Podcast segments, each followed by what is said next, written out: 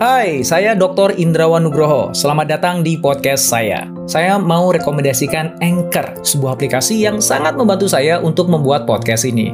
Layanan Anchor itu gratis dan kamu bisa download di App Store atau Play Store atau bisa juga diakses di websitenya www.anchor.fm. Yuk, mangga dicoba.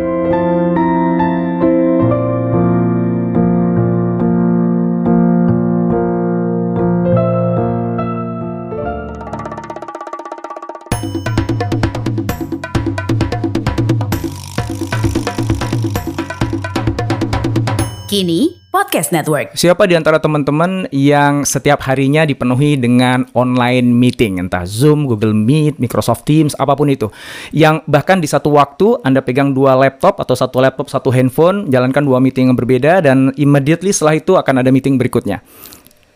Kalau itu terjadi pada diri Anda atau organisasi Anda, ada yang salah tuh dengan bagaimana pengelolaan kerjaan dan manajemen di perusahaan Anda.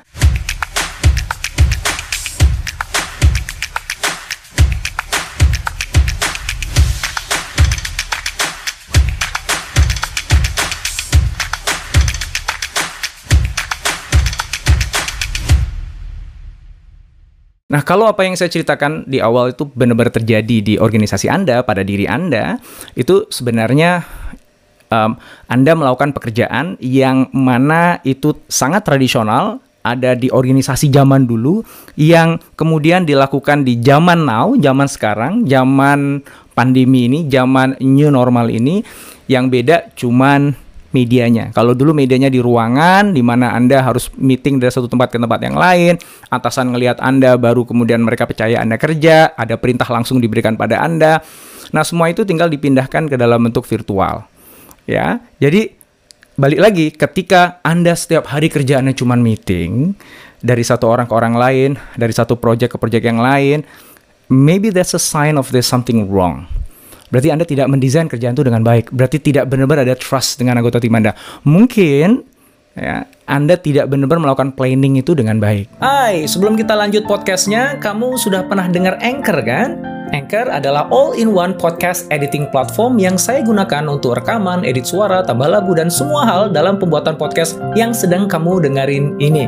Anchor bisa membantu kamu bikin podcast kamu sendiri loh. Caranya gampang, tinggal download dari App Store atau Play Store, atau bisa juga diakses di www.anchor.fm.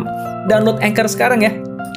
Sesungguhnya banyak cara di mana kita bisa tetap uh, mendapat update dari tim kita, memberikan instruksi kepada tim kita, dan bahkan mendiskusikan sesuatu yang penting tanpa kita harus melakukan meeting. Banyak sekali tools, banyak sekali teknologi kolaborasi yang itu bisa dipakai. Ya, um, kita gunakan uh, uh, Notion misalnya di di kantor kami di Cias, kami juga kadang-kadang gunakan Basecamp, uh, Microsoft Teams, obviously, di mana uh, komunikasi itu bisa terjadi tanpa harus tatap muka sinkronus, bisa jadi asinkronus. Ya, orang bisa posting something di collaboration tools kita pagi hari dan saya kemudian baru baca 2-3 jam kemudian saya merespon, sore hari baru direspon.